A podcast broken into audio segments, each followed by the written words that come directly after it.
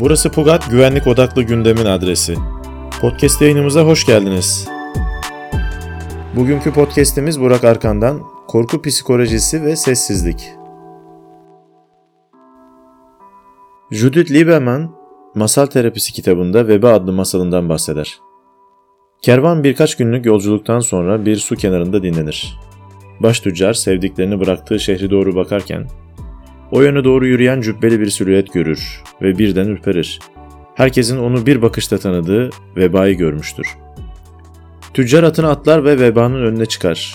Nereye gidiyorsun veba? Veba, geldiğin şehre tüccar diye yanıtlar. Tüccar atından iner ve dizlerinin önüne çöküp vebaya sevdiklerinin canını bağışlayıp yönünü değiştirmesi için tüm içtenliğiyle yalvarır. Veba, ben kimseden emir almam, kendi yolumda yürürüm ve kimse beni yolumdan saptıramaz. Şehirden sadece 500 can alacağım ve yoluma devam edeceğim, der. Yüz binlerce kişinin yaşadığı şehirden canı alınacak 500 kişilik bir rakam veba için oldukça düşüktür. Tüccar bu sayının az olacağını, ailesine sıra gelmeyeceğini düşünüp yoluna devam eder. Aylar geçer ve tüccar çok para kazanmış bir şekilde ailesini görmenin heyecanıyla şehrine doğru yola koyulur. Ama uzaktan baktığında şehir oldukça sessiz gözükür. Kapılar açık, sokaklar bomboştur. Tüccar evine girer ve görür ki bütün sevdiklerini kaybetmiştir. Şehrin sokakları cesetlerle dolmuştur. Tüccarın kalbindeki üzüntü öfkeye dönüşür. Vebayı bulmak ve onunla yüzleşip hesap sormak ister. Günler, aylar boyunca vebayı bulmak için iz sürer.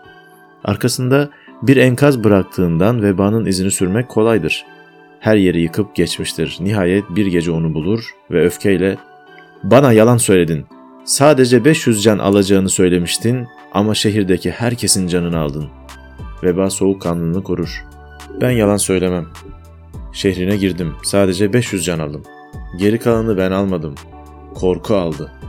Nereye gitsem atsız ve sessiz bir şekilde peşimden geliyor. Benim alabildiğimden daha çok can alıyor.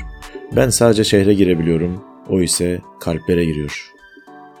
Korku insandaki en temel duygulardan birisidir. Tehdit edici bir uyarana karşı zihinsel bir değerlendirmeyi içerirken, anksiyete de bu değerlendirmenin duygusal bir tepkisidir. Platon, korku gelecek bir kötülüğü beklemektir der. Kişi bir şeyden korkar, korktuğu şey aslında o anda yoktur. Ama gelecekte olma ihtimalini düşünür. Karar vermemizi etkileyen en önemli duygu korkularımızdır. Adam Phillips, Dehşetler ve Uzmanlar kitabında korku hallerini açıklarken, bilinen ve sezilen gelecek, geçmişin olasılıklar repertuarıdır diye bahseder. Korku anında hayali gelecek ve geçmişteki olumsuzlukların birleştiğini, neden korktuğunu bilmenin, geçmişte yaşayabilmenin anahtarı olduğunu söyler. Hayatta bilinmezlikler ve belirsizlikler oldukça fazladır. İstatistikler olarak yaşamın her anında başımıza her şey gelebilir. Kişi korku duygusuyla karşılaştığında beynimiz iki farklı tepki verir. Savaş ve kaç tepkisi. Ya üzerine gidip savaşacaktır ya da ona yenilip kaçacaktır. Korkudan ötürü kaçtıkça konuşamayacak, sessiz kalacak ve kendisini suçlayacaktır. Bazı toplumlarda insanlar düşüncelerini rahatlıkla dile getiremez. Son yıllarda özellikle adalet sistemine yapılan müdahaleler, kişilerde yönetime güveni azaltıp korku duymalarına yol açtı. Sosyal medyada yapılan sansürler, gözaltılar, işten çıkarmalar, toplumdan soyutlamalar, işkenceler, ailelerle tehdit edilmeler, adam kaçırmalar korkunun düzeyini arttırdı. Evet, toplumda herkes korkmaya başladı. Susma, sustukça sıra sana gelecek ile başlayan sloganlar mizahi bir şekilde aman dikkat et Silivri soğuktur deyimine dönüştü. Akrabaları tarafından, sözde şeyhi tarafından, tanıdıkları tarafından çocuğun cinsel istismarına göz yuman anneler korkuyor. Sevgilisinden şiddet gören kadınlar korkuyor. Mobbinge uğrayıp işini kaybetmekle tehdit edilen çalışanlar korkuyor. Başka ülkelerden sadece kendi dilini yanında getirebilen sığınmacılar korkuyor.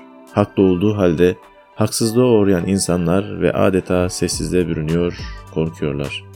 Ve güçlüler, haksızlık yapanlar ve bunlara göz yumanlar belki de daha çok korkuyorlar. Esas tepki verilmesi gerekenler yerine başka bir hedefe yöneliyor. İktidarlardan korkup korkularının, öfkelerinin öcünü masum kişilerden çıkarıyorlar. Korkunun bizi etkilediği ve genellikle engellediği de bir gerçek. Kişide ne kadar çok korku duygusu mevcutsa aslında o kadar da içerisinde cesaret gizlidir. Psikoterapide korku, kaygı, travma ve fobilerle çalışırken genellikle bilişsel davranışçı yöntem tercih edilir. Kişinin yaşadığı korku neyse ona maruz bırakılır, yüzleşmesi sağlanır.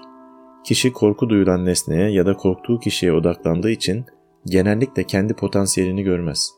İnsan kendi yapabileceklerine odaklandığı zaman korku duygusu yerini cesarete bırakacak ve daha sağlıklı, güçlü ve kararlı davranışlara yol açacaktır. Kısacası korkunun ilacı yüzleşmedir, kabullenmedir ve cesarette gizlidir. Horatius'un dediği gibi korku içinde yaşayan adam asla özgür değildir diyor Burak Alkan.